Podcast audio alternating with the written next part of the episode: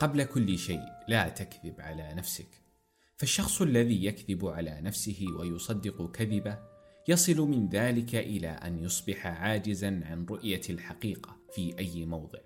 فلا يعود يراها لا في نفسه ولا فيما حوله.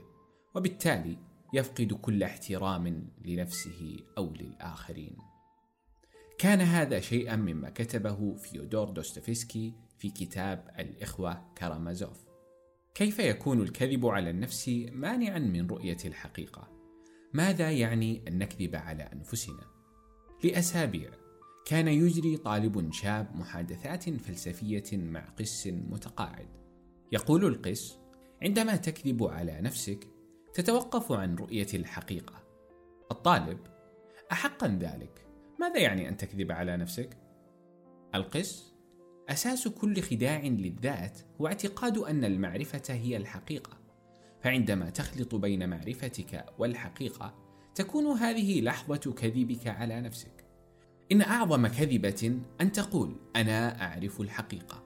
أعتقد أن ابيكتيتوس قال ذلك بشكل أفضل عندما قال من المستحيل على المرء أن يعرف ما يعتقد أنه يعرفه بالفعل.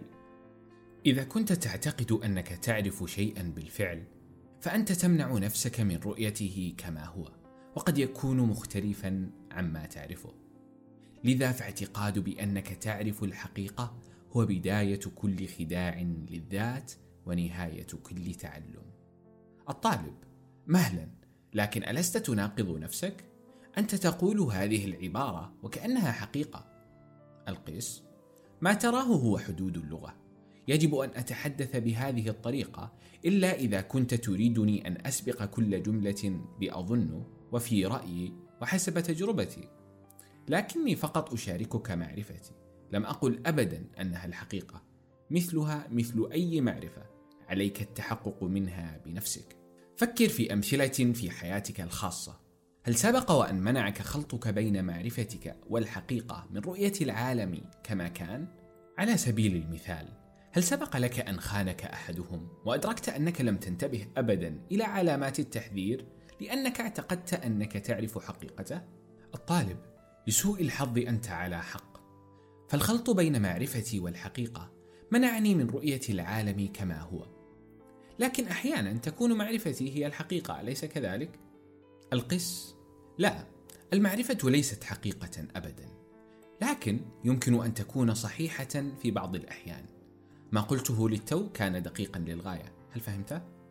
الطالب نعم أنت استخدمت ثلاثة مصطلحات المعرفة والحقيقة والصحة. هل لك أن تشرحها لي؟ القس الحقيقة هي الطريق الفعلي إلى وجهتك والمعرفة هي الخريطة التي تملكها في بعض الأحيان. يمكن أن تصل عن طريق الخريطة إلى وجهتك أحيانا واحيانا لا يمكنك. لكنك تعرف ما إن كانت الخريطة صحيحة عن طريق اختبارها فقط. إن قادتك إلى وجهتك تكون صحيحة ولكن فقط لتلك اللحظة. لأنه في اللحظة التالية قد تغير الأنهار الأرض وقد يبتلع الزلزال الجسر. لذلك قد لا يعمل المسار القديم بعدها. لذلك يمكن أن تكون المعرفة صحيحة في لحظة الاختبار فقط. لكنها ليست الحقيقة نفسها أبدا. الطالب حسنا ولكن ماذا عن واحد بالإضافة إلى واحد يساوي اثنان؟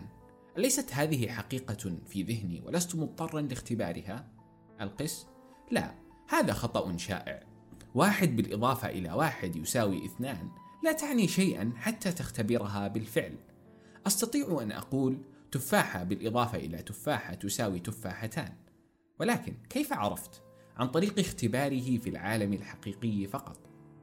لكن يمكنني القول بسهولة تفاحة بالإضافة إلى تفاحة تساوي ألف ذرة. في هذه الحالة واحد بالإضافة إلى واحد لن تساوي اثنان. المعرفة وهي أي شيء يمكنك بناؤه باستخدام اللغة ليست حقيقة أبدا. الحقيقة ليست شيئا يمكن أن يقال. إذا كانت الحقيقة هي الطريق الفعلي إلى وجهتنا. فإن المعرفة هي الخريطة التي نملكها. وعندما توصلنا الخريطة إلى وجهتنا نقول أن المعرفة كانت صحيحة.